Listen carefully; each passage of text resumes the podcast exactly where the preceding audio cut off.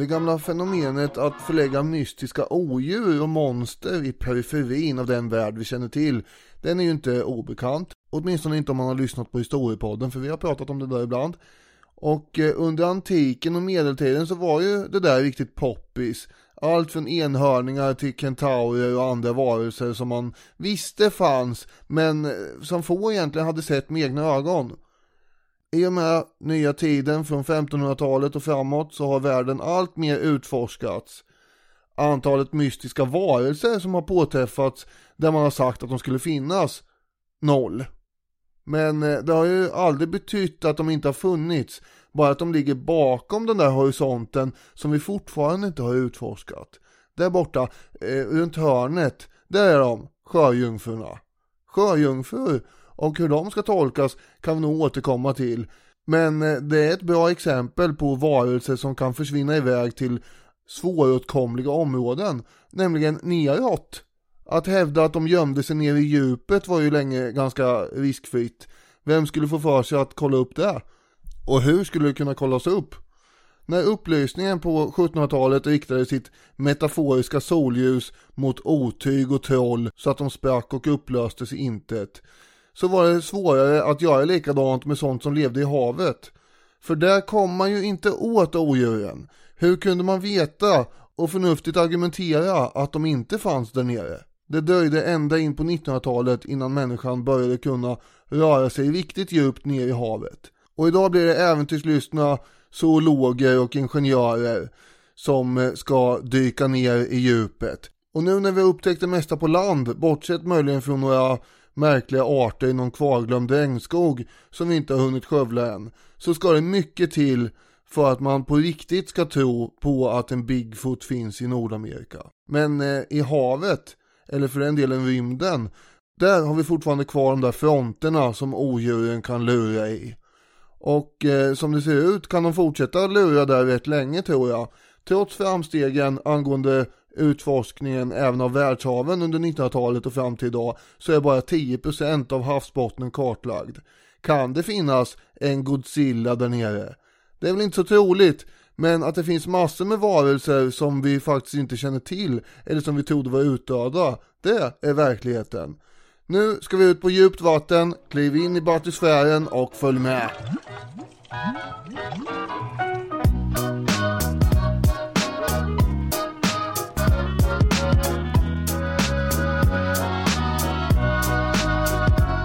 Vid varje horisont så finns det ju alltid en ny horisont. Ja, så är det. Så det är ju, ja, man hinner aldrig ikapp dem. Det, det räcker ju med att sluta ögonen under den där inledningen som Daniel Hermansson drog för att man ska börja tänka på de här H.P. Lovecraft-monstren som vilar och sover där i djupet. Ja, just det. Som mirakulöst förblivit oupptäckta. En dag ska de vakna. Eller? Eller, det är det vi inte vet. Men även om de inte finns så finns det ju fortfarande djuphavslevande varelser som vi inte känner till och bara det är ju kittlande, tycker jag. Ja, precis. Hur många som helst. Eh. Och det som är kittlande med de här djuphavsvarelserna, sjögurkor och bläckfiskar och maneter och allt sånt där, det är ju att de är ju själva verket mycket knäppare än vad någon antik eller medeltida människa hade kunnat föreställa sig. Ja, det... Alltså hur knäpp och sjuk fantasi en medeltida munk än hade, så de hade ingenting mot vad evolutionen har skakat fram där nere i mörkret. Nej, det är otroligt. Det ska ju sägas direkt att det här är inte ett avsnitt om marinarkeologi, utan det är mer äventyrsaktigt, eh, så att säga, utforskningsavsnitt. För marinarkeologi kommer vi säkert prata mer om någon annan gång istället. Exakt. Äh, vi kommer foka på de här som har dykt riktigt djupt. Ursprungligen när du pitchade ämnet så skulle vi också prata om Jacques Cousteau, den eh, franska dokumentärfilmaren och dykentreprenören, Ja, pionjären. Det skulle vi. Men eh, jag sparkade bakut och, och så, nej, det här är ju ett helt eget avsnitt i sig. Ja, Men han har ju mer än någon annan under 1900-talet hjälpt till med att skapa ett intresse för att utforska havets djup. mm. Ja nej, jag hade ju researchat färdigt det här så att säga. Och eh, det är inte ofta vi, vi använder ju inte veton i regel mot eh, varandras ämnen, men här kastade du in ett veto på ett delmoment kan man säga. Och eh, Ja, just det har jag respekt för, för att det är klart att i så fall tar vi ett helt avsnitt om honom vid tillfälle istället. Det ser jag mycket fram emot. Och någonting jag också ser mycket fram emot, det är ju vår nya bejublade programpunkt Vi var då?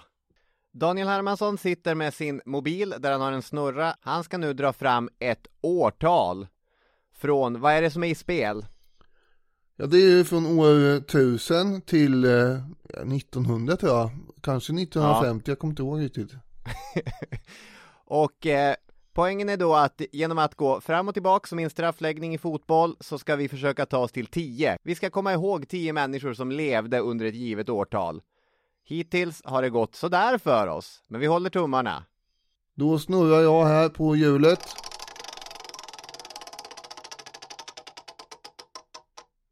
Och Daniel grimaserar. Ja, att jag grimaserar är lite grann på grund av att det här är ett obskyrt årtal. Åh nej. På något sätt. nej, Fj- nej. 1420. Ja, ja men 1420, det går ju att jobba med säkert på något sätt. Vem börjar? Det är viktigt. Jag började förra gången. Då är det jag. ja, det är du som börjar. Jag säger Engelbrekt Engelbrektsson. Då skriver jag in Engelbrekt Engelbrektsson i mitt dokument och svarar att Engelbrekt Engelbrektsson, född 1390, död 1436. Ja, 1390-talet eh, är han född någon gång. ja. Precis, så att han är ju eh, vid eh, god vigör och eh, livsduglig och har fortfarande ett rejält eh, uppror i kroppen innan ja, han lämnar Ja. in här. Ja, och jag är så glad att du fick bollen i rullning för jag satt och tänkte oj oj oj de här ryska tsarerna vilken Ivan ska jag dra till med? Och så, men nu när du sa Engelbrekt Engelbrektsson då tänkte jag på Erik Puke så jag säger Erik Puke Ja, det där är ju en slammis. Det där är ju fult nästan. Får man göra så här? Det får man förstås. Erik Puke skriver jag in i mitt dokument och får upp död 1437 Men, ja, precis. Men det här blir ju lite grann som ett bowlingklot nu som slår i olika käglor. Det, så är vi ju. För eh, naturligtvis säger jag då Karl Knutsson, bonde. Han, han är ju vid liv här. Karl Knutsson bonde, ja det är han men född 1408 eller 1409 så att han är God marginal. Ja, det, absolut. Det, det är god marginal. Erik av Pommern. Ja. Den, eh, den kommer av sig själv nästan. Det, är, 2-2. det här är kanske ett problem med den här leken, men Vilket då? Att, att kommer man på en bra grej så, så kan man fortsätta spinna Jag på tycker den. inte att det är ett problem. Det, det visar väl att man kan binda ihop det här på något sätt. Men nu, nu kan jag säga att nu börjar problemen. Erik av Pommern, född 1382, död 1459. Det är med god marginal. Ja, eh, Jeanne d'Arc är väl förhoppningsvis född nu då, det måste hon ju vara. Och eh, också vid, eh, ja i någon form av eh, slagkraftig ålder nästan. Snart åtminstone. För 1428 så intas väl Orléans. Vi slår upp Jeanne d'Arc och då ser vi att eh, hon är född 1412 och död 1431. Ja, så att där, där får man ju säga att jag prickar in en som inte levde i hundra år riktigt i alla fall. Ja, verkligen. Och då, om bollen ska fortsätta rulla ska jag då gissa någon av de engelska eller franska kungarna, men eh, det kan jag inte, så det kommer jag inte göra. Oj, oj, oj. Ah, Nu är vi tillbaka där jag började. Han, det här, det kan vara för sent, men eh, Ivan den tredje, Ja, det här blir intressant. född 1440. Bom, bom, bom. Det är inte en stolpe ut, det är faktiskt utanför målet. Ja, det är ju inte jättelångt utanför, men det är några decennier utanför. Ja. Men det här var ju ändå en, en uppryckning från förra gången. Verkligen. Också ett par hundra år längre fram, så att det, det säger något om saker och ting. Men 3-2 då, jag tycker ändå att det är, om 10 är målet så är ju 5 nästan godkänt. Ja, det är framsteg och det är allt man kan begära här i livet. Ja, och är det så att vi räknar delsegrar här med, för i så fall så har väl jag i alla fall eh, tagit ledningen med 2-1 i den här tävlingen. Ja, eh, jag plitar ner siffror här Ja, i mitt påhittade. anteckningsblock.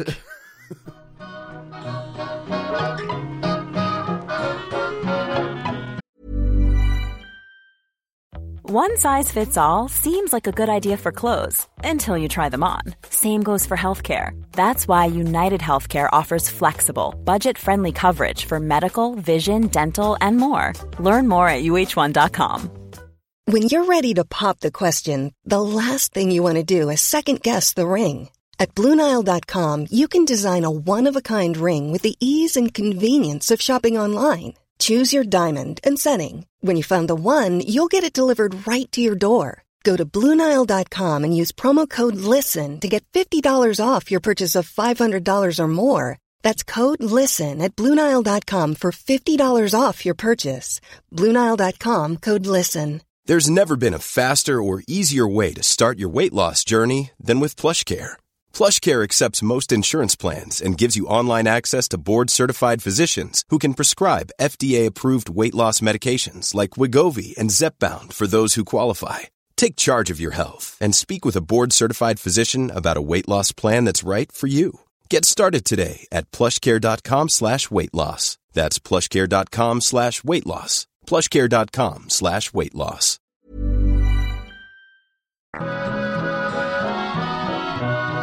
Då ska vi alltså ner i vattnet och havet och så vidare. Och det är väl läge med en liten bakgrund här till eh, hur man har betett sig innan 1900-talet. När är det inte läge med en bakgrund? Nej, det är alltid läge för en bakgrund. Ja men det finns ju den här grejen som du var inne på i din inledning, en, en evig både rädsla och förundran inför djupet. Det pratade vi ju med Bo Eriksson om, vår favorit. Att eh, han snackade om att mycket av den mänskliga rädslan kan komma från det här mörkret. Mm. Därför att där fanns krokodilerna, barrakudorna, vithajarna. Samtidigt så har vi längtat, eller i alla fall förundrats över det där djupet. Vi är inte sprungna ur räddhågsna människor, sa krigsjournalisten Edward R. Murrow. I och för sig pratade han om USAs historia, men man kan ju prata om det som mänskligheten i stort också. I alla tider så har man hållit på med fridykning. Mm. Två minuter. Och i två minuter har man kunnat bege sig ner så djupt som man hinner. Och varit i någon slags zen-tillvaro där i det mest främmande av elementen. Man kan ju tänka på de dykare som under 1600 och 1700-talet bärgade material, kanoner från sjunkna skepp. Vi pratade om dem i avsnittet om kronans förlisning till exempel. Ja, men eh, man har ju också dykt långt före där och inte bara av, jag vet inte vad det var för skäl det uppgav, någon form av eh, filosofiskt eh, dykande. Nej men alltså det är klart att fridykarna plockade ju pärlor och, och annat. Eh. Musslor, tvättsvampar och annat av marknadsekonomiska skäl. Ja precis, men om du ska klara av att dyka Alltså fridykning, det är ju fortfarande människor som håller på med det och det är lite grann av ett intresse för mig, inte att fridyka utan att lyssna på intervjuer med fridykare. Därför att det handlar så otroligt mycket om bara psykologi och att lyckas vara i, alltså bekämpa panik och ha ett slags zen-tillstånd. Så oavsett om man dyker av rent buddhistiska orsaker eller för att plocka tvättsvampar så är det en, en, en mycket speciell tillvaro. Det är mycket intressant det här för att när jag lyfter fram eh, Sveriges kanske främsta fridykare, Amelie Pompe heter hon väl, då var ju du eh, genast eh, på din vakt och sa att ja men det här, du var ju inte så imponerad av folk som höll på med äventyrsgrejer om det inte var av utforskningsskäl och sånt där. Du, tänk, du tänkte liksom, vad är, vad är det här för vits med? Det kommer jag ihåg, för jag fick kämpa i den där inledningen eh, efteråt för att eh, liksom få fram att det här var spännande grejer. För Pompe hade ju varit och haft föredrag på skolan jag jobbade på då. Och ett tag hade hon rekordet samt att hon var den som, människa som har varit längst ner på eh, jorden och högst upp på jorden samtidigt. Eh, förutom ubåtar och flygplan då, men Ja. alltså det är ganska imponerande. Vart är det här på- på väg är jag intresserad av. För jag måste säga att just nu är jag jag kan bli imponerad av- enskilda. Von Humboldt till exempel är jag superimponerad av. Men det är, det är personen utöver äventyren. Jag tycker att många äventyrare är rätt platta som personer. det är bara att testa gränserna, det, det är bara utmana, det, det är bara tävla, bli det första. Jag pratar hellre om Raymond och Maria än om de här äventyrarna. Ja, ja. Jag tyckte i alla fall det var intressant att höra på eh, Pompe. Det var en höjdare som gav djupa funderingar. Men du har då ändrat det och eh, tycker nu att det här är en spännande bransch. Eh, ja, men jag lyssnade på en intervju med en fridykare i den brittiska podcasten eh, Modern Man och eh, hon var väldigt, väldigt fängslande. Jag, jag, jag har inte mer på det här än att när man själv har ett svagt psyke och får panik över att man ska hinna med en poddinspelning innan man ska hem och byta av sin sambo som vabbar. Då liksom att eh, lyckas hålla lugn när man är nere i mörkret och är på, alltså det är ju världens mest ensamma plats i något avseende. Ja. Det är, eh, det är ju såklart imponerande. Något annat som ligger mig varmt om hjärtat förutom äventyr är ju ubåtar som också är ett form av äventyr att befinna sig i. Och den första ubåten antagligen konstruerades ju av eh, holländaren Cornelius Drebbel som bodde i London. Han sjösatte den i Themsen. Ja, Det är vansinnigt länge sedan, 1620-talet ändå. byggd av trä, tätad med Ja. läder och fett. Det här är ju en slags primitiv roddbåt som råkar gå under vattenytan, men ändå imponerande. Hatten av för drebben. Ja, ja, den kunde ju då dyka ner med hjälp av att släppa in vatten i grisblåsor. Och eh, när den sen skulle ta sig upp igen, eh, de här roddarna, 12 stycken, som satt där inne och rodde under vattenytan, de kunde då trampa på de här blåsorna. Så åkte vattnet ut och ubåten steg.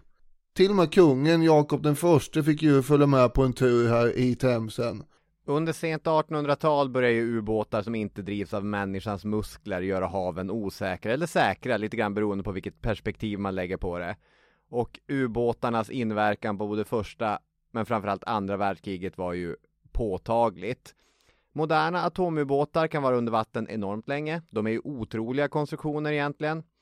Men med tanke på att världshavens snittdjup är 3790 meter så är de där tre, max 400 metrarna som ubåtarna kan gå ner till inte speciellt mycket att hänga i julgranen egentligen.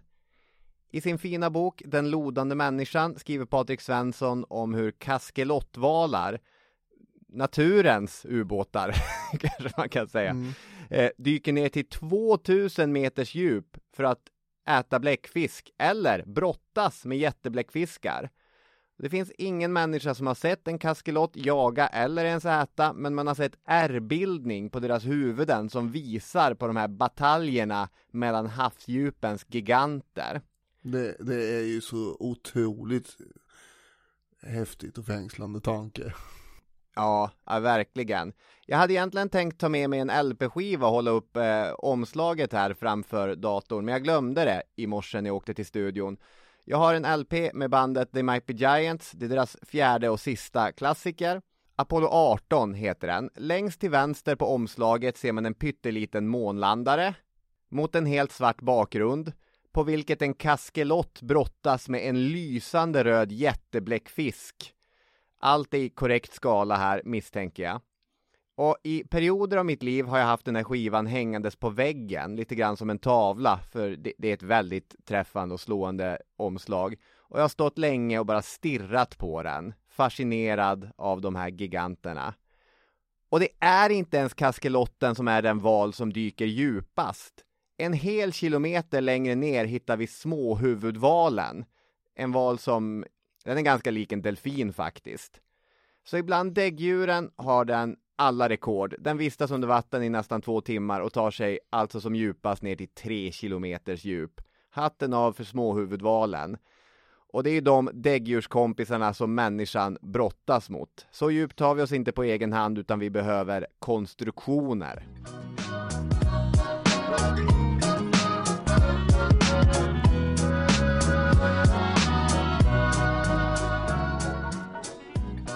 William Beebe, amerikan. Bibi.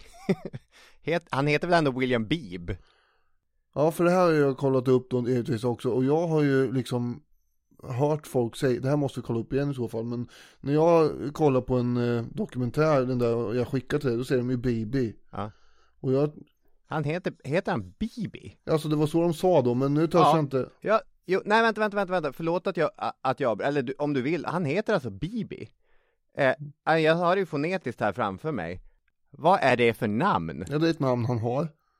Men man hade kunnat heta William Beeb också, om man ville det. Men eh, det vill han inte, eh, eller han, det är väl hans Nej. familj, det är ett efternamn. Ja, Bibi, absolut. Fullt normal sak att Han heta. var i alla fall sin tids store zoolog och naturkännare. Han var allt från marinbiolog till ornitolog. Och eh, också hyfsat framgångsrik eh, populärvetenskaplig författare i sina ämnen då. Och eh, redan på 20-talet så var han ju en kändis. Syntes då och då med filmstjärnor, affärsmän och sådär. Han har inte ett filmstjärneutseende dock, inte på 30-talet sen i alla fall. Och med eh, filmstjärneutseende menar jag att du har ju sagt ofta att eh, för att bli president så måste man ha ett bra hårsvall och eh, Bibi hade ju inget hår alls. Nej. Men eh, under perioder av sitt liv en väldigt kraftig mustasch. Ja, det kompenserar han upp med och lite hade han ju där ovanför öronen också. Eh, på 20-talet så försökte han då flera gånger konstruera en dykarklocka formad som en cylinder. Jag vet inte hur han tänkte, men det funkar i alla fall inte. Nej, det gjorde det inte. Nej, Därför naturen har en enda perfekt form för att motstå tryck. Och det är sfären, Mm. inte cylindern. Och där hade ju en kille knäckt då som heter Otis Barton. Han var 29 år 1928. Kom från en eh, förmögen familj. Och själv var han ju ingenjörsutbildad på Harvard och allt med höga fina betyg. Och han tyckte om berättelser Eh, om upptäcktsresanden och äventyr och sånt där. Han hade ägnat barndomen åt att dyka i havet vid Martas Vineyard, den här amerikanska överklassens semesterparadis. Så han, eh, han var eh, en eh, vattenfantast och en eh, ingenjörsfantast. Och hela sitt liv sökte också Barton uppmärksamhet på olika sätt för eh, diverse spektakulära bedrifter. En sökare kan man säga och han hade ju pengar för att prova sig fram i livet med. Så att, eh, Ja. mm. men han hade också tekniska kunskaper. Ja. ja, det var ju en begåvad och eh, kapitalstad ung herre, som sagt. Mm. Men också en, en person som hade lätt att tycka synd om sig själv. Ja, det tror jag nog. Och det kan man ju tycka Men- vad man vill Men på sätt och vis, vilket vi kommer till, så var vi ju då utifrån hans mål lite synd om honom också. Ja, mycket, mycket lite synd om honom. Förutom den där ingenjörsutbildningen från Harvard i bakfickan hade han ju lite roliga idéer i pannloben. Och som du sa, han har en idé om att man ska bygga dykarklockan som en sfär, en och en halv meter i diameter. Gjuten stålkula är ju vad det här handlar om. Och man skulle ha en behållare med natronkalk som skulle fånga upp koldioxid när man sitter och andas där. Dykarna måste ju få andas i sin lilla kula. En liten konkarong som skulle sjunka tack vare sin egen vikt på 4,5 ton hade Otis Barton föreslagit. mm, Ska man bara släppa den här kulan ner i vattnet undrar ni? Nej, det här är ju mer som en tepåse eller en tekula egentligen. För genom en vajer, navelsträngen, så sitter bygget ihop med ytan, ett skepp förslagsvis. Och man har både kommunikation och strömtillförsel som går via den här vajern. och vajern är ju ungefär 2,5 cm tjock va? Vi måste ha in den faktan. Eh, ja, det, det, så, så, är det, så är det säkert. Jag har inga direkta uppgifter på hur, hur tjock vajern är. Ja men så man får en bild. För eh, om den inte fanns, då hade, alltså man hade ju kunnat göra så som du sa här, att man bara skulle släppa ner den här kulan. Den hade ju förr sina nått botten. Det är mer, Ja, då hade man tagit sig väldigt djupt. mer hemresan som blir ett jädra meck. Ja. Ja, det, det, det är ganska nödvändigt att eh, ha den där vajern för att sen komma upp igen så att säga. ja. William Beebe kom aldrig att hysa några särskilt varma känslor inför Otis Barton utan han kommer ju hela tiden se honom som ett nödvändigt ont för att kunna hålla på med de projekten som Beebe ville hålla på med. Och det var faktiskt nära att det aldrig blev något första möte de två herrarna emellan. Att Otis Barton trots allt satt på en förmögenhet det var det som gav honom chansen till att, eh, okej, okay, William Beebe skulle kunna tänka sig att träffa honom.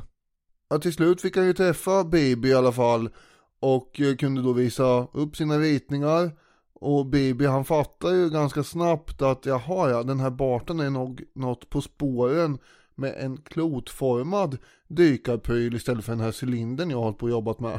Mm. och eh, Barton han eh, kallar ju då den här konstruktionen för batysfär för övrigt. Mm. Det finns olika uppgifter på det här ordets ursprung. Men troligen tänkte Barton på en hopslagning av grekiskans batos för djup och sfaria klot. Och då blir det batysfär. Just det, ett klot som ska ner i djupet. Och Barton hade ju läst om Bibis försök med sin cylinder och eh, det var därför han hade sagt upp honom. Lite av en förebild var väl eh, Bibi och så frågar han då om han vill vara med på det här forskningsprojektet. Och själva ritningen är ju som sagt gjord och konstruktionen har ju Barton också ordnat med. Och dessutom lovar han att finansiera hela projektet med, med fartyg, utrustning och personal och så vidare. Så Bibi, han behöver egentligen inte göra så mycket. Han behöver bara vara med här ja. och säga ja. Vilket han gör då förstås. Men han tycker att det är lite, alltså det är ju ett erbjudande som man måste tacka ja till, men det är ju med en, en person som han avskyr. Egentligen innan han ens har träffat honom. Ja, det är lite svårförklarligt egentligen. Det är ju ett jävla erbjudande skulle jag säga, för att han, det här hade man kunnat göra utan Baby lika gärna. Ja, så är det ju. Att få med kändisen Bibi på tåget är ju ett sätt att få medialt intresse, vilket i sin tur kan leda till andra investeringar. Det är mm. ett slags dragplåster också så att det, det, är inte så det är inte så dumt. Men det faktum att det kommer vara Barton och Bibi kommer ju innebära att i pressens ögon så är det alltid Bibi som beskrivs som projektledare, Barton kommer beskrivas som hans assistent och så vidare. Där kan vi ge fullt av exempel allt eftersom på och det gnagde ju och skavde väldigt mycket på Otis Barton. Men sen ska man också säga att han, den här lite playboyaktiga liraren, han utmärks ju inte av en mycket stor lutheransk arbetsmoral, Nej. utan kunde ju under projekten ta rätt mycket tid ledigt för att segla runt i sin flådiga segelbåt och så. Ja, han gillar ju det. Han hade redan byggt den här batysfären och, och hade investerat pengar så han tänkte att jag får väl glida runt lite här och hänga på hotellet medan då Bibi jobbade eh, dag och natt med att förbereda olika saker som projektet innebar. Och eh, Bibi i sin tur, han förväntar sig en eh, respektfylld och nästan underdånig attityd från Barton. Och det fick han verkligen inte, vilket i sin tur irriterade Bibi. Ja. Och eh, Barton tyckte att Bibi var dryg och dominant och sådär. Och har man då två stycken herrar, personligheter, som absolut inte drar jämnt. Min rekommendation vad man ska göra då är att man ska knöla ihop sig i en stålkula på en och en halv ja. diameter och sen ska man singla ner i Bermudas djup. Ja. Det är vad jag skulle rekommendera. 1930 gör de sin första gemensamma dyksäsong. Och där sitter de då tryckta mot varandra med benen uppdragna och så känner de hur de hänger i luften när kulan svängs ut över vattnet från båten. Och batisfären har radiokontakt som sagt och strömtillförsel genom den här sladden eh, i en gummislang då eh, i vajern till båten. Och när de släpps ner i vattnet så börjar ju resan neråt och de ska sjunka 10 meter i minuten tydligen. Det låter inte mycket tycker inte jag. Nej. Men eh, det är den hastighet vi har här. Efter 210 meter så börjar det visserligen knaka i fönstren och i luckan. Och på 244 meters djup så får Baby nog och säger stopp, inte längre ner. Och jag vet inte vad det var, om det var någon slags känsla eller om man bara fick lite panik. Men eh, då hade de redan varit dubbelt så djupt som någon annan människa förut hade varit. Sen när de kommer upp, det här då beskrivs ju som en eh, väldigt rolig och lustig grej.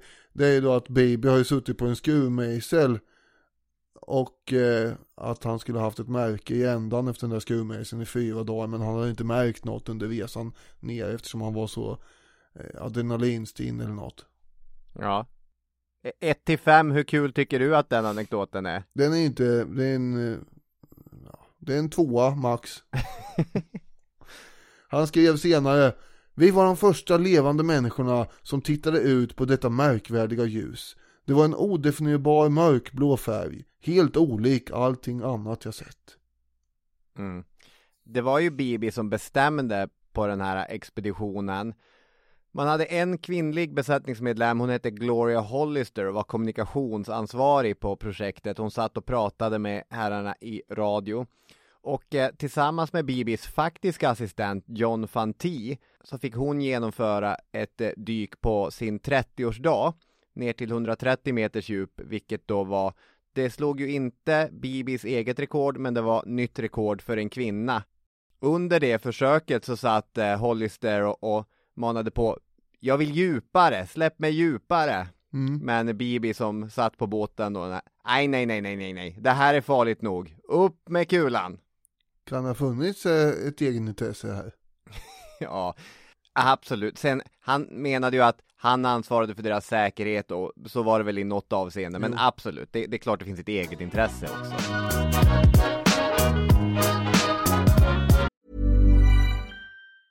When you're ready to pop the question, the last thing you want to do is second guess the ring. At Bluenile.com, you can design a one of a kind ring with the ease and convenience of shopping online. Choose your diamond and setting. When you find the one, you'll get it delivered right to your door. Go to Bluenile.com and use promo code LISTEN to get $50 off your purchase of $500 or more. That's code LISTEN at Bluenile.com for $50 off your purchase. Bluenile.com code LISTEN. I'm Sandra, and I'm just the professional your small business was looking for. But you didn't hire me because you didn't use LinkedIn jobs. LinkedIn has professionals you can't find anywhere else, including those who aren't actively looking for a new job but might be open to the perfect role, like me. In a given month, over 70% of LinkedIn users don't visit other leading job sites. So if you're not looking on LinkedIn, you'll miss out on great candidates like Sandra. Start hiring professionals like a professional. Post your free job on linkedin.com/people today. Millions of people have lost weight with personalized plans from Noom, like Evan, who can't stand salads and still lost 50 pounds. Salads, generally, for most people, are the easy button, right? For me, that wasn't an option. I never really was a salad guy. That's just not who I am. But Noom worked for me. Get your personalized plan today at Noom.com. Real Noom user compensated to provide their story. In four weeks, the typical Noom user can expect to lose one to two pounds per week. Individual results may vary.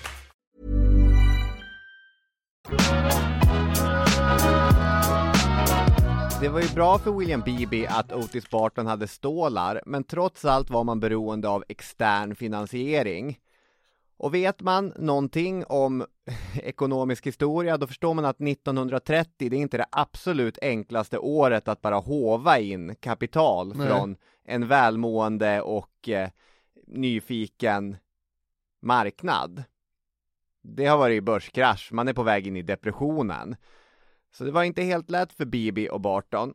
Och Bibis marknadsföringsgimmick hade blivit att han lovade att man skulle klara av ett dyk till 800 meters djup, half a mile på engelska då. Vilket hade lite samma klang som vi ska till månen eller något i den stilen. Att eh, dyka ner till 800 meter, det var ett, ett helt otroligt ambitiöst projekt menade man. Och på det sättet kunde man börja skrapa ihop lite pengar. Efter en av väder och vind och teknikstrul förslösad säsong 1931 så gjorde man 1932 ett riktigt, riktigt ambitiöst försök till att ta sig den här half a mile. Och då har man tillsammans med NBC, som grundats eh, några år tidigare, 1926, bestämt att man ska göra riktigt storslagen radio av det hela. Under dykförsöket så kommer man stanna vid bestämda tillfällen och så ska NBC få direktsända den telekommunikation som går från batysfären genom navelsträngen upp till skeppet. Den 22 september 1932 blir det här äntligen av. Man är kraftigt försenad på grund av misslyckade försök från Barton att installera ett extra fönster. Men nu är, det, nu är det dags, nu måste man köra. Tyvärr så är den här valda dagen inte någon vidare dag. Havet är oroligt och vågorna är rätt kraftiga. Men det var viktigt för projektets långsiktiga framtid att det faktiskt blev av och att den här radiosändningen gick ut. Så man satte sig där i batysfären, guppade lite grann på vattnet, skickade iväg en första rapport och sen så sänktes man ner i djupet. Mm. Här kommer man ju till en intressant aspekt av den här farkostens problem. Det är en liten stålkula längst ner på en vajer knuten till ett skepp. Så vad vi har här är alltså dels passande nog ett lod. Det passar ju väldigt bra in på Patrik Svenssons bok Den lodande människan och hela idén om havets djup och så. Men ett lod är ju väldigt lätt att förvandla till en pendel. Ja, just det. Och nu svänger man fram och tillbaka. Oj, oj, oj, vad det kränger in i, i farkosten. Det är inte alls trevligt. Och sjösjukan kommer som ett brev på posten och Otis Barton, han kräks. Ja, ja. Oj, oj, oj. Det är ju inte så lätt att göra av med det där nere heller, någon annanstans. Nej. Och här sitter de, två män som avskyr varandra i en liten stålkula 250 meter under havets yta. Och det stinker spya. Kul! Och inte har man råd att vända heller, det är ju radio för bövelen. Så vid 470 meters djup är det dags för en ny sändning. Bit ihop, kör! Och försök att inte spy igen då. Ja, den gången tar man sig till 670 meters djup och då är det ingen sån här oklar känsla från William Beebe som säger åt dem att nu måste vi upp igen, utan man måste vända på skutan eftersom att nu kränger man fram och tillbaka med sån kraft att man inte längre kan garantera sin egen säkerhet. Det här börjar vara riktigt, riktigt obehagligt. Ja, jag vet inte om det är efter eller före det här dyket du pratar om med radion. Men de har ju gjort flera olika dyk ju. Och eh, Bibi hade ju förmågan att berätta både målande och fängslande om olika märkliga havsdjur som de passerade Mm. förbi. Och även om det inte sändes rakt ut i radion till eh, befolkningen ute i världen så att säga.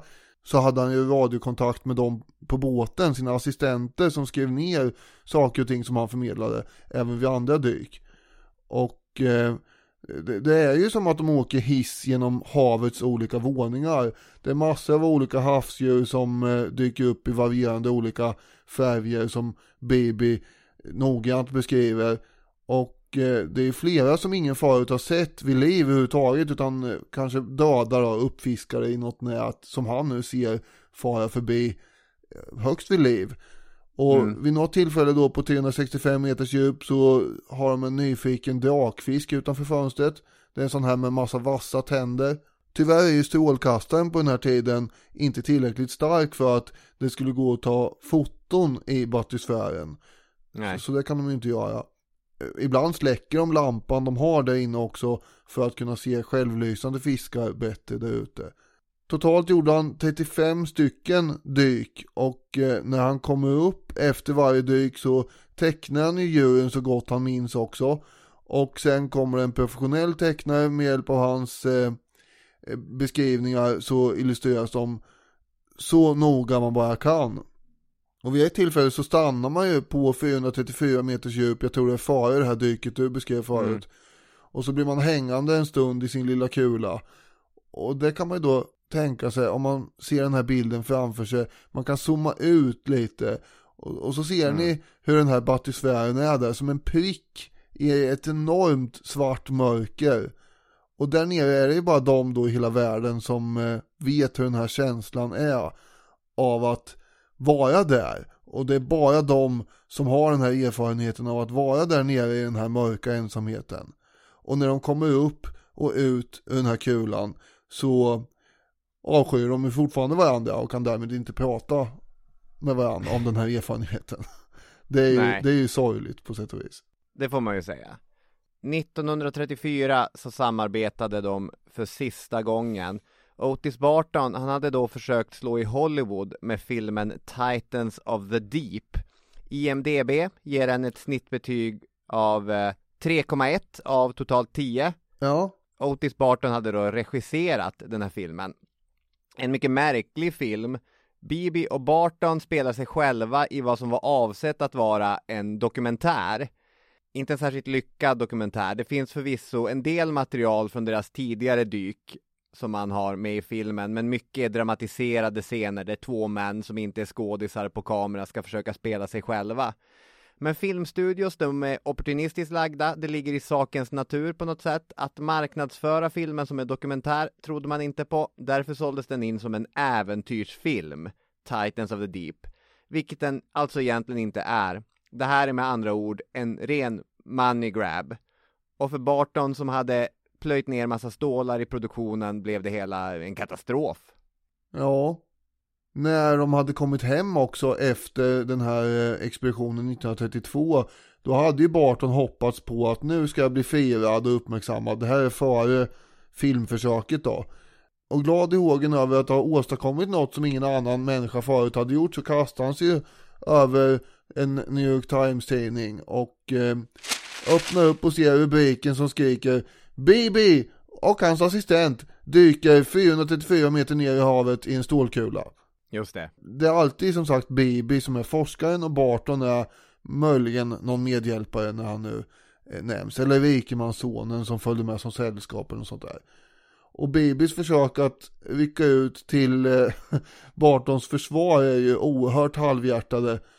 I National Geographic 1931 så skrev han Herr Barton förtjänar all heder för den tid och de pengar som han har bidragit med till detta projekt. Han hade ju kunnat lägga till då tänker jag att alltihop var Bartons idé och att det var han som var hjärnan bakom konstruktionen och som gjorde hela projektet möjligt. Men det råkade Bibi glömma att säga eller skriva.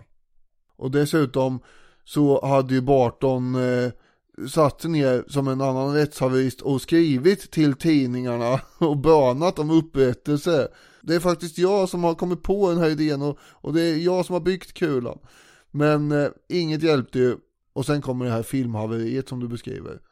Mm, just det. Det finns också när man läser historieskrivningen om Bibi och Barton så ser man de olika perspektiven. Det finns vissa berättelser som är väldigt sympatiskt lagda mot Bibi.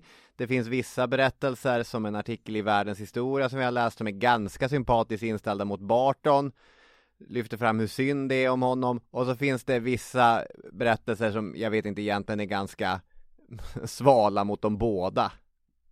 Men det skulle då bli en ny och avslutande expedition 1934 och här hoppades då Barton att hans film också skulle få en extra skjuts på grund av det här. Den här expeditionen ska ju han och Bibi göra tillsammans för National Geographics räkning då. Mm. Och expeditionen går under titeln The National Geographic Society William Beebe Expedition. Inte ett ord om Barton. Nej. Bibi är ju stjärnan. Ja, eh, men Barton är med i alla fall och när Bibi och Barton då går in i den här batysfären den 15 augusti 1934 så är planen att de ska sjunka så långt ner som vargen bara räcker.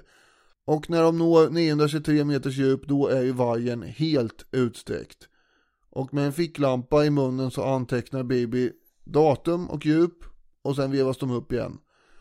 Och i den där artikeln från Världens historia står det När Bibi kröp ut ur batysfären sa han Det här var sista gången jag försökte sätta ett djuprekord som inte har något vetenskapligt värde. Han ansåg att det inte fanns något mer av intresse för honom i det kolsvarta mörkret. Därefter skakade Bibi och Barton hand och skildes åt. De träffades aldrig mer. Det är inte ett perfekt radarpar det här. Nej. Och Barton kommer fortsätta experimentera med dykarklockor och sådär, någon ny typ av variant som han kallar bentoskop. Och med den kommer han sedan dyka ensam ner 1949 till ett nytt djuprekord på 1370 meter. Men han hade inte en aning om vad det var han såg för fiskar och sånt där, för han förstod sig inte på sånt.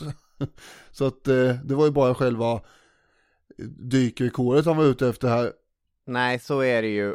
Men när vi börjar närma oss 1950-talet så står ju både USA och Europa inför helt nya bottenhjältar också. Barton börjar ju nästan kännas passé.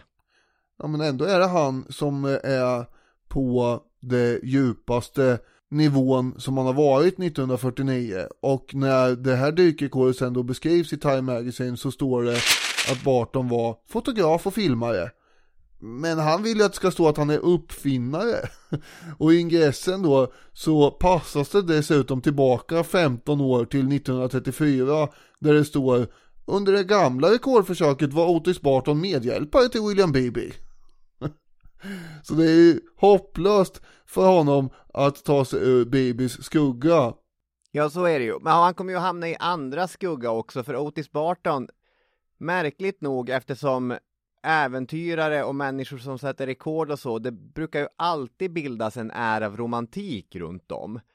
Men när, ja men jag har kollat på James Cameron, en annan ja, filmregissör framförallt, men också djuphavsentusiast, och när han tänker tillbaka, då pratar han ju, ja, kanske om William Beebe, men framförallt eh, om eh, Jack Cousteau, eller om de två herrarna som vi är på väg in på nu, det är ju verkligen de som äter upp allt, Mm. eh, det här romantiska djuphavsintresset.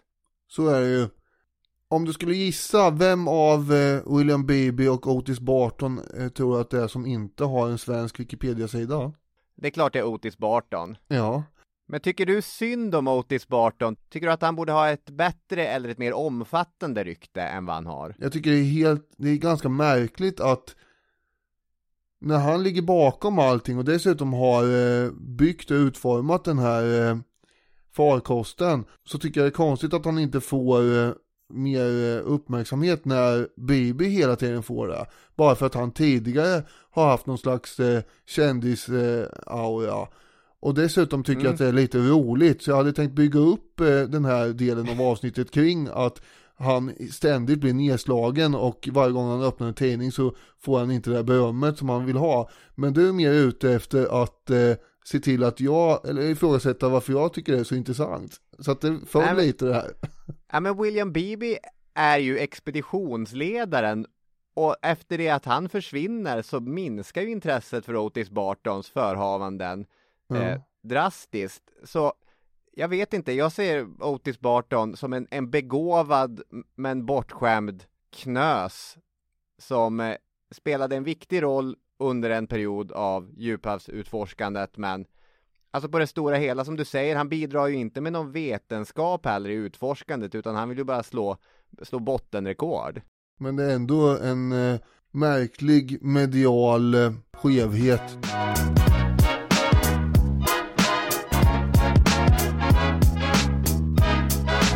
Auguste Picard, han var schweizisk uppfinnare, fysiker, visionär. Patrik Svensson beskriver honom som en smal man med flyende hårfäste, runda glasögon och mustasch. Påminner han dig om någon Daniel? Professor Kalkyl och eh, inte bara mig då utan det verkar vara så att det är belagt på något sätt eller åtminstone har det hävdats att Professor Kalkyl hade sin eh, förebild i Auguste Picard. Just det, här är vi alltså i Hergés Tintin. Just det. Det är ganska likt får man ändå säga. Picard har en panna som lite grann uppmuntrar en till feltänket att en smart människa behöver ha en stor hjärna. Och eh, hans intresseområden, de gick i rakt motsatta riktningar faktiskt, det vill säga både upp och ner. Han byggde den första ballongen som åkte upp i stratosfären och han kommer stå för eh, pionjärinsatser när det kommer till dyk ner i avgrunden. 1939, alltså inte så långt efter att Bibo Barton hade slagit sitt rekord där 34, så hade Picard uppfunnit sin första batyskaf, hans farkost för undervattensutforskning. Och en batyskaf är egentligen en ballong. Du har samma runda slags kammare som tidigare i, i djuphavsutforskning. Där sitter utforskarna. Det är det enda sättet att eh, fixa trycket, den där sfären. Men istället för att den som en tepåse ska hissas upp och ner i en vajer så satte Picard sin stålkula på ett tunt skrov. Det är då som en ballong som han fyllde med bensin eller fotogen. Båda uppgifterna är vanliga och jag antar att funktionen skulle bli detsamma. Och det här är väldigt eh, smart eftersom skrovet då kunde vara tunt. Det här är nämligen en vätska som inte komprimeras av tryck. Och det är en stor fördel att inte sitta i en vajer, men det är också en konstruktion som egentligen inte går att styra. Du kan åka uppåt och du kan åka neråt. Och när dyket är klart så tryckte man på en knapp och ubåten släppte lite metallskrot som den hade med sig som tyngd och så steg man.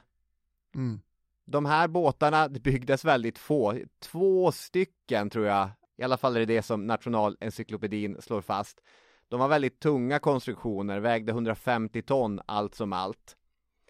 Den första var färdig 39 alltså, den andra och sista var färdig 1952. Och den andra, som heter Triest, är den kändaste av dem. Byggd i och döpt efter staden Triest. Och dess pilot kommer bli Augusts son Jacques Picard. Och den amerikanska kaptenen Don Walsh. Som inte heller har någon svensk Wikipedia-sida. Don Walsh borde ha en svensk Wikipedia-sida, men jag kan säga att eh, James Cameron gör väldigt, väldigt mycket för att eh, lyfta fram eh, Don Walsh som eh, är med på de här båtarna i, i dyken och så och verkligen lyfts fram som en, en all American hero. Men först måste vi kanske prata lite om eh, var de ska ta vägen och det är ju den djupaste platsen i planetens oceaner som inte Bibi och Barton hade varit i närheten av. Marianergraven mm. som är 250 mil lång mellan Japan och Nya Guinea. Skönt att ha en geografilärare här känner jag. Ja, det är en djuphavsgrav som eh, då kan uppstå i så kallade subduktionszoner. Och det är ju en geografisk term då förstås ja. Eh, det är alltså när en kontinentalplatta med huvudsakligen hav, så kallad oceanplatta, trycks ner under en annan kontinentalplatta med huvudsakligen land på. Mm. Och just där Stilla havsplattan kolliderar med Marianerplattan så finns den här Marianergraven. Och söderut i graven finns ytterligare en försänkning ner i jordskorpan som ett hål i hålet kan man säga. Och det är världens djupaste djup som heter Challenger-djupet. Och det är nästan 11 000 meter under havsytan. Det är väldigt djupt. Det är väldigt djupt. Och i januari 1960 så har ju människan tagit sig förbi de flesta sådana här geografiska markörer. Nordpolen 1909, om vi ska tro uppgifterna som har lämnats. Det kan man lyssna på om i avsnitt 25. Sen har vi Sydpolen 1911. Mount Everest, nu är vi uppåt så att säga i luften 1953 avsnitt 254 och 1961 när Yuri Gagarin åker ut i rymden. Det sker dock efter det vi nu ska prata om. Men båda polerna, Mount Everest och även rymden får man säga, är ganska ogästvänliga mm. platser. Så är det ju. Men frågan är ju om inte den djupaste platsen i världshaven är nästan ännu mer främmande och obehaglig. Ja, i alla fall lika främmande och, och obehaglig. Men det, om man bara liksom dessutom fogar till månlandningen som inte är speciellt många år i framtiden från det här dyket. Vi är ju verkligen inne i en gyllene era av den typen av, av utforskning här. Mm. Man fattar att det var spännande att vara barn under den här perioden. Sitta och lyssna på radio och titta på TV. Verkligen. Men i rymden kan man ju till och med gå ut ur farkosten och hålla på och segla runt i någon lina i rymden. Och man kan hoppa i land på en himlakropp som sagt och studsa omkring där och plocka i sanden och grejer. Men, eh, och det har vi pratat om i avsnitt 261 förut. Men, men här är alltså omöjligt att ta sig ut ju. Utan man sitter bara där. Och våra huvudpersoner är då som du nämnde Jacques Picard. Han är en lång 37-årig eh, schweizare. För detta ekonom. Som har tröttnat på siffror och vill ägna sig åt äventyr och utforskning. Och eh, passande nog är det hans pappa som har byggt den här farkosten då. Och till sin hjälp så har han den amerikanska marinkaptenen Don Walsh.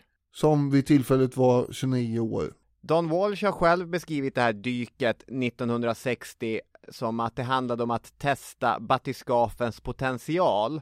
Citat, att undersöka en plattform är hans uttryck. Han såg alltså inte dyket ner i Challenger-djupet som egentlig forskning, utan ett stresstest på den här ubåten. Klarar den av det, då klarar den av vad som helst annars egentligen. Ja, så är det ju, men det är också väldigt intressant om den inte klarar av det, för då sitter de i skiten bokstavligt talat, eller ja, de sitter ja, ju i så är det. någon form av vätska. Och eh, det är ju inte jättelovande förutsättningar när de väl då ska ge sig ut här. Nej. Det är trångt inne i hytten som de sitter i då, för det första. Ett litet tjockt plexiglasfönster finns. Och planen är att den här ned och uppstigningen ska ta omkring nio timmar. Men eh, det har varit storm under natten när de ska ge sig ner. Och eh, då upptäcker de att Trieste, som eh, farkosten heter som sagt, har ju tagit mycket stryk. Det är en mätare som visar hur snabbt de sjunker som har lossnat och försvunnit. Och en annan mätare som mäter strömmar är också borta. Och dessutom är telefonen som är deras kontakt med ytfartyget trasig. Det här är ju verkligen inte perfekta förutsättningar. Nej. Och ändå måste de köra.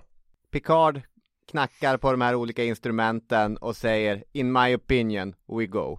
Och Don Walsh säger I agree. in, in my opinion. Ja, ja. Vad ska man jämföra det här med? Ungefär som att eh, när man ska landa på månen så funkar inte tre av fyra raketer. In my opinion. Exakt. Ja, Na- NASA var noggrannare med säkerheten, det ska man, Ja. det ska man säga. Patrik Svensson beskriver det väldigt fint om den här äh, speciella dagen, jag tror att det är 23 januari 1960. 23 minuter över åtta börjar de tömma lufttankarna. Trieste försvann under de skummande vågorna och sjönk sakta ner i det okända. Medan larmet och livet på havsytan, vindarna och ljuset ersattes av ett dovt och mäktigt lugn föll de långsamt genom vattnet som genom en skymning. De föll tysta ner i den mesopelagiska zonen där havet mörknar tills inget fotosystem längre är möjligt. Det hade gått tio minuter av nerfarten och Jacques Picard släppte ut lite fotogen för att öka hastigheten. När de kommit 300 meter ner var det redan fullständigt mörkt utanför det lilla fönstret. Men när Picard tittade ut såg han små fosforerande plankton glimra runt omkring dem som avlägsna stjärnor på en natthimmel. Ja, det är väldigt eh, elegant eh, skrivet och beskrivet av Svensson och eh, den här verkligheten var ju sådär också. Och tydligen börjar ju då djuphavet vid 300 meters djup enligt någon beräkning. Svensson återger ju som sagt de här namnen på de olika djupzonerna i sin text vilket får en att tänka på eh, Ja, det låter som etiketter på äldre tidsperioder i förhistorien eller något ju. Ja, just det. Som att resa genom, Tiden nästan. ja, faktiskt. Den eh, batypelagiska zonen, mörkerzonen, börjar vid 1000 meters djup. Det är ju den här som vi pratade om innan med jättebläckfiskar och kaskelotvalar. Och så skriver han. Där inga växter överhuvudtaget kan leva, men där jättebläckfiskar och kaskelotvalar ibland möts för våldsamma uppgörelser. De föll vidare ner i avgrunden, den abyssepelagiska zonen, på mer än 4000 meters djup och i mörkret utanför rörde sig nu blinda och färglösa varelser som ingen människa någonsin tidigare sett. Här gäller det att spara in på användningen av strålkastaren emellanåt också. Och de bara sitter där i det här kompakta mörkret och sjunker. Och tanken svindlar ju lite. Vid 6000 meters djup så kommer de in i den sista zonen. Vilket självklart heter den hadopelagiska zonen. Med anspelning på den grekiska mytologins herre i dödsriket Hades. Och efter 7000 meter viskar då Don Walsh Nu är vi djupare ner än någon människa någonsin varit. Och varför han viskar är högst oklart förstås.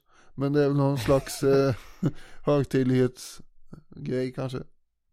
Ja, det känns som att vara i en liten, liten kyrka. Fast istället för en, en, en stor katedral så sitter du där ihopklämd samtidigt som ett helt enormt tryck egentligen bara vill förvandla dig till Mm. köttmos. Ja, för det är det som riskerar att hända då. Vilket då är kontrasten mot till exempel de rymden eller de andra platserna som är otillgängliga. När de passerar 8000 meters djup så drar de ner lite på hastigheten. De vet ju inte om det finns strömmar här nere eller hur de i så fall beter sig. Och Nej. eh, det är säkrast att inte rusa ner mot botten kanske. Och vid ett tillfälle efter 8000 meter så händer ju något djupt obehagligt. Och jag kan tänka mig vilket sug i magen och vilken puls jag skulle ha om man satt i det här tillståndet på den här platsen och det då efter nästan fyra timmars färd rakt ner plötsligt känns en enorm stöt och man hör ett brakande ljud. Och Walsh undrar ju då om, har vi kommit till botten här eller vad? Men det trodde inte Picard. Och det hade de inte heller. Och resan fortsätter ner. Och i Picards huvud så ska då tanken ha flugit förbi att kanske hade vi krockat med något stort havsmonster här eller något. Och eh, Nu är de långt nere på nästan 10 000 meters djup. Då ser de maneter sväva fram här. Och efter fem timmar, klockan 13 på dagen, så har de slutligen sjunkit ner i den mjuka botten på Challenger-djupet. Och då är de de första människorna på ett djup av 10 916 meter. Och Svensson skriver, och vad gör man då? Ensam i avgrunden. På en plats ingen människa tidigare ens varit i närheten av. Och som ingen i stort sett visste någonting om. En plats Dessutom, som är så obönhörligt omänsklig att den omedelbart skulle krossa din kropp till mos om du inte skyddades av ett tjockt lager härdat stål. Vad hittar man på? Ja, vad man gör är ju att titta ut, det är det enda de kan göra. På månen kan man ju som sagt gå ut, men här nere är ju trycket 1000 kilo kvadratcentimeter. Så det går ju inte. Först väntar man på att lite uppvirvlad bottensand ska lägga sig. Och Picard ser något som han tror sig veta är en plattfisk, cirka 30 cm lång, eh, som rör sig i sanden och sakta simmar iväg. Väldigt förundrad över den här plötsliga trafiken här nere antagligen. Mm. Men eh, man har då i efterhand eh, ifrågasatt det här och vetenskapen tror nog att det handlar inte om någon plattfisk utan kanske om en sjögurka troligare. Och Svensson fortsätter. I närmare 20 minuter väntade de. De såg märkliga vevor i sanden runt farkosten. Mönster som formats av någon sorts rörelse. Spår av liv som de bara med sin fantasi kunde föreställa sig hur de såg ut. En röd liten räka simmade ryckigt förbi utanför fönstret. Sedan vände sig Don Walls plötsligt mot Jacques Picard och sa, fortfarande med försiktigt viskande röst. Nu vet jag var den där smällen kom ifrån tidigare.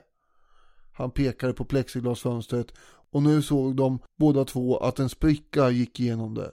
Trycket hade fått plexiglaset att krackelera med en sådan kraft att hela farkosten hade skakat till. Slutcitat. Och här är det nu inte läge att sitta och fundera på nästa åtgärd utan Picard trycker snabbt på knappen och släpper de här järntyngderna varpå Therese fort börjar stega sig uppåt mot ytan. Och det dröjer ytterligare då fem timmar innan de ser dagsljus och när de är uppe är klockan 17 på eftermiddagen. Och det är som eh, Svensson påpekar under samma period från då till nu mer än 500 människor som har varit ute i rymden. Det är mer än 10 000 som har varit på Mount Everest och 12 personer har gått på månen. Men det är bara fyra stycken människor som har varit i Challenger-djupet. Och eh, det är Picard och Walsh och sen tar det 50 år till innan Cameron kommer ner där 2012.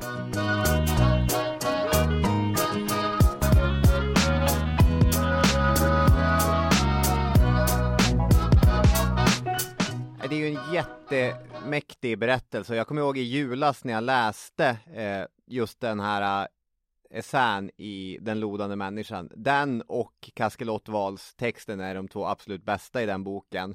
Att jag, jag skakade liv i min sambo som höll på att somna och så liksom vill jag läsa högt om den här sprickan och så, för det är just den här tanken att man sitter där på botten och tittar upp och ser den bara, den totala paniken. Och hon tyckte att det var värt att vakna och lyssna till detta? Ja, men jag tror att hon tyckte att det var ändå ganska spännande. Det är, det är så. Vi brukar ha lite högläsning för varandra om någon stöter på en speciellt intressant passage i sin Ja, hon är ju väldigt vänlig här. Det, det här, håll i den här tjejen. Men man ska säga att det här är inte den enda berättelsen som finns om sprickan i fönstret. Don Walsh förekommer flitigt i dokumentärer om djuphavsutforskande och han har en sägning som han återanvänder som är typ om du hör smällen och är vid liv så är det bara att fortsätta. Och det kommer från just den här episoden med plexiglaset som small. Berättelsen som den istället återges i till exempel James Camerons dokumentär om Challenger-djupet, det är att man vid 9000 meters djup hör smällen och att Picard då beordrar att alla system ska stängas av. Och då undersöker de båten och då hittar Walsh den stora sprickan i glaset varpå de diskuterar tillsammans om man ska fortsätta eller inte och återigen säger Picard, enligt min åsikt är detta ej ett allvarligt fel. Vi fortsätter med dyket och Walsh ger sitt medhåll. Walsh, som han resonerar då, det är att alla fel som påverkar trycket på, sånt, på sådana djup, de är omedelbara. Om man kan stå där och fundera på huruvida det håller eller inte, då håller det. Och därför så fortsätter de med det. Jaha. Men borde inte förutsättningarna ändras när en spricka uppstår så, alltså då kan väl ändå trycket göra att det förändras enklare än det hade gjort utan sprickan? jag, tycker det jag också. Ja. Men eh, det är... Nej. Men han säger det här, om du hör smällen då är det bara att fortsätta. Okej. En annan sak som han säger är att när de slår ner i botten så virvlar det upp så mycket sand och stoft från eh, botten så att det är som att titta ner i mjölk. Och de här 15-20 minuterna som de eh, sitter där på botten, det blir ju lite bättre sikt till sist. Men det är så mycket sediment uppe att de får aldrig riktigt en bra vy heller, utan de slog ner lite för hårt i botten. Och det är en av anledningarna att han är så peppad på James Camerons eh, ambition att ta sig ner till botten där Mm. under 2000-talet. Men det är lite konstigt att det tar så förskräckligt lång tid innan någon ger sig på det här igen, är det inte det? Eller det är ju, ett- det är ju gastkramande eh, projekt förstås. Och det måste finnas drivkrafter för att göra det. Ja, Och det var ju först James Cameron som hade då. precis. Den är väldigt intressant skulle jag säga, den här dokumentären som James Cameron har gjort om eh, sitt djuphavsutforskande. Han börjar ju med att berätta om eh, hur det var att växa upp under den här perioden och sitta och titta på Jacques Cousteau och kolla på Triestes dyk och månlandningen och allt det där och liksom växa upp i en värld där allt var möjligt. Mm. Men just havet har ju alltid talat till James Cameron. Dels genom avgrunden men även genom Titanic så har han ju tagit omvägen via filmande in i djuphavsutforskande. Ja, det är han som har gjort eh, filmen Titanic då, för tydlighetens skull.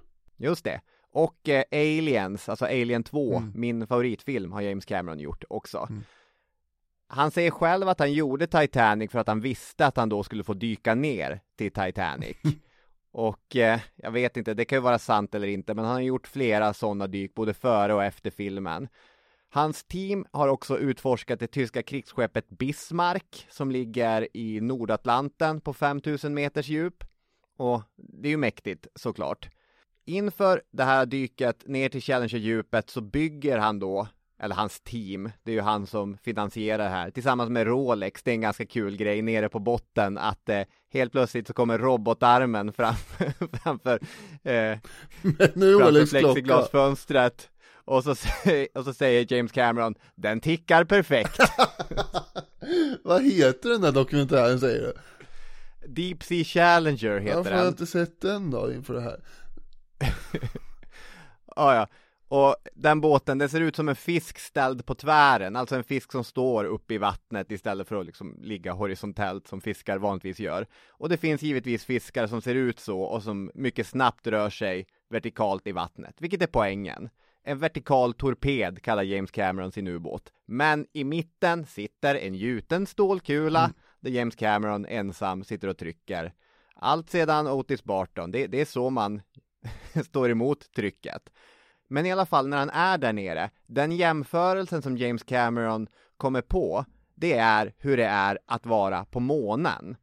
Och till saken hör att under alla testdyk som man har gjort med den här ubåten så har man sett de mest underbara saker. Man har sett bläckfiskar och sjögurkor och maneter, stora skogar av anemoner och även djupt, djupt nere i havet finns liv. Otroligt liv. Liv där bläckfiskar och valar brottas. Men i Challenger-djupet hittar James Cameron absolut ingenting. In reality, the deeper we go, the smaller the life forms. Critters, no signs of critters, no tracks on the ground. Unbelievable. Like the moon. I know there are new species of bacteria in that sediment. James Cameron säger det, han ser inga spår efter saker och han försöker trösta sig själv med att det finns massa nya och spännande bakterier där nere på botten. Men trots allt så blir han lite ensam där nere. Han tycker att det är lite sorgligt nästan. Ja. Och den där grejen som eh, Patrik Svensson skriver att eh, 10 000 har varit på Mount Everest men det är bara fyra människor som har besökt Challenger-djupet. Frågan är, behöver vi ha fler människor nere i just Challenger-djupet? För den stora grejen, vilket också nämns i många andra delar av Svenssons bok och vilket du också har nämnt om hur liten del av, det var inledningen va, hur liten del av haven som Mm. faktiskt är utforskade. Vi kanske inte behöver åka till den plats som råkar vara djupast bara för att den är djupast mer. James Cameron, han är mycket noggrann i sin film med att han ägnar sig åt forskning. Det här är inget egoprojekt, utan Nej. jag tar bottenprover och, och vi hittar nya arter. Det är inte fantasier och drömmar hos ett förvuxet och förmöget barn.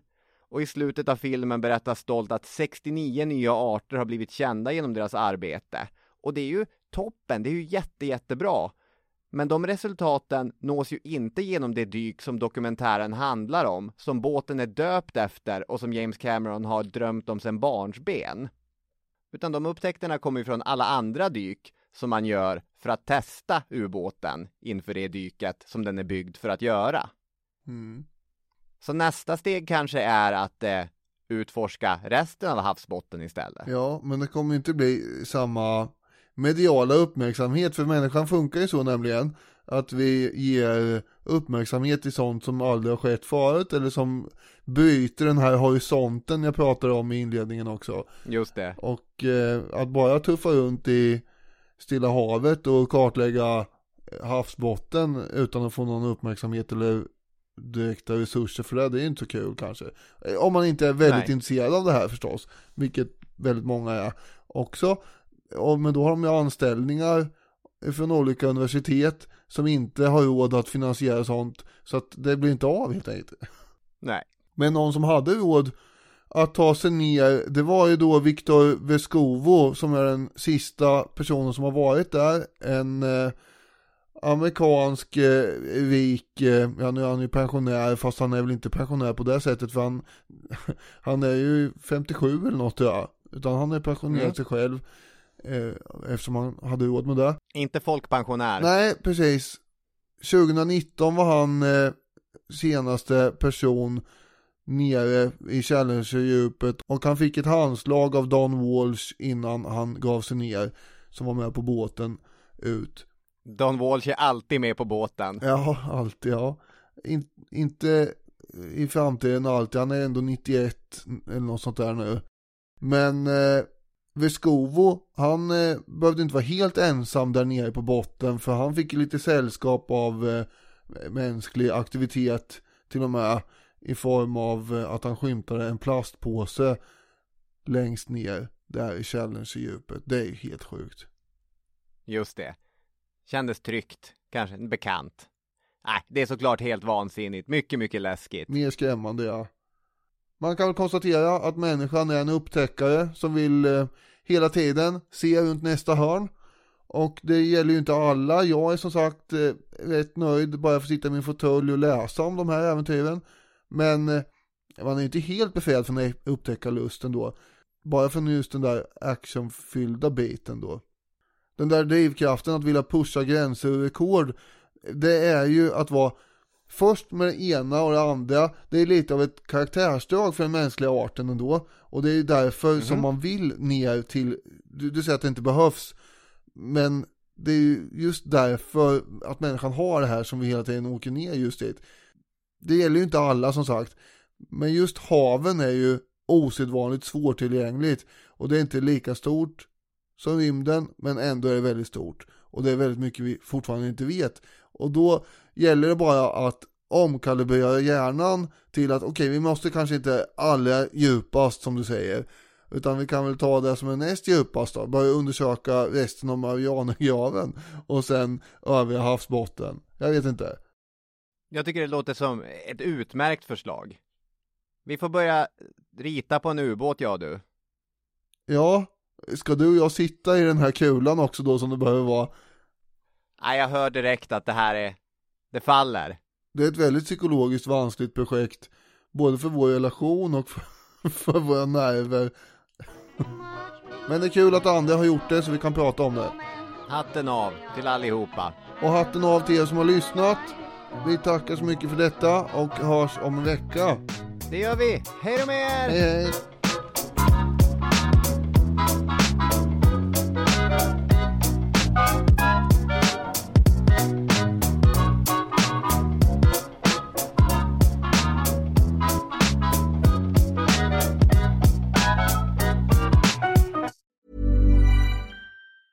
Planning for your next trip?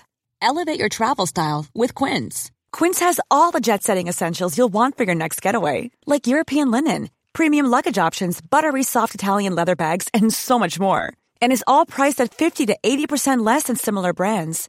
Plus, Quince only works with factories that use safe and ethical manufacturing practices. Pack your bags with high-quality essentials you'll be wearing for vacations to come with Quince. Go to quince.com slash pack for free shipping and 365-day returns. Planning for your next trip? Elevate your travel style with Quince. Quince has all the jet-setting essentials you'll want for your next getaway, like European linen, premium luggage options, buttery soft Italian leather bags, and so much more. And is all priced at 50 to 80% less than similar brands. Plus, Quince only works with factories that use safe and ethical manufacturing practices. Pack your bags with high-quality essentials you'll be wearing for vacations to come with Quince. Go to quince.com slash pack for free shipping and 365-day returns. Treat mom to healthy, glowing skin with Osea's limited edition skincare sets. Osea has been making clean, seaweed infused products for nearly 30 years. Their Golden Glow body set includes three clinically proven bestsellers for smooth, glowing skin, while the Glow and Go facial set provides spa level results at home. Both sets come in giftable boxes with savings up to $48 and free shipping for a limited time. For 10% off your first order site wide, go to OSEAMalibu.com and use code MOM.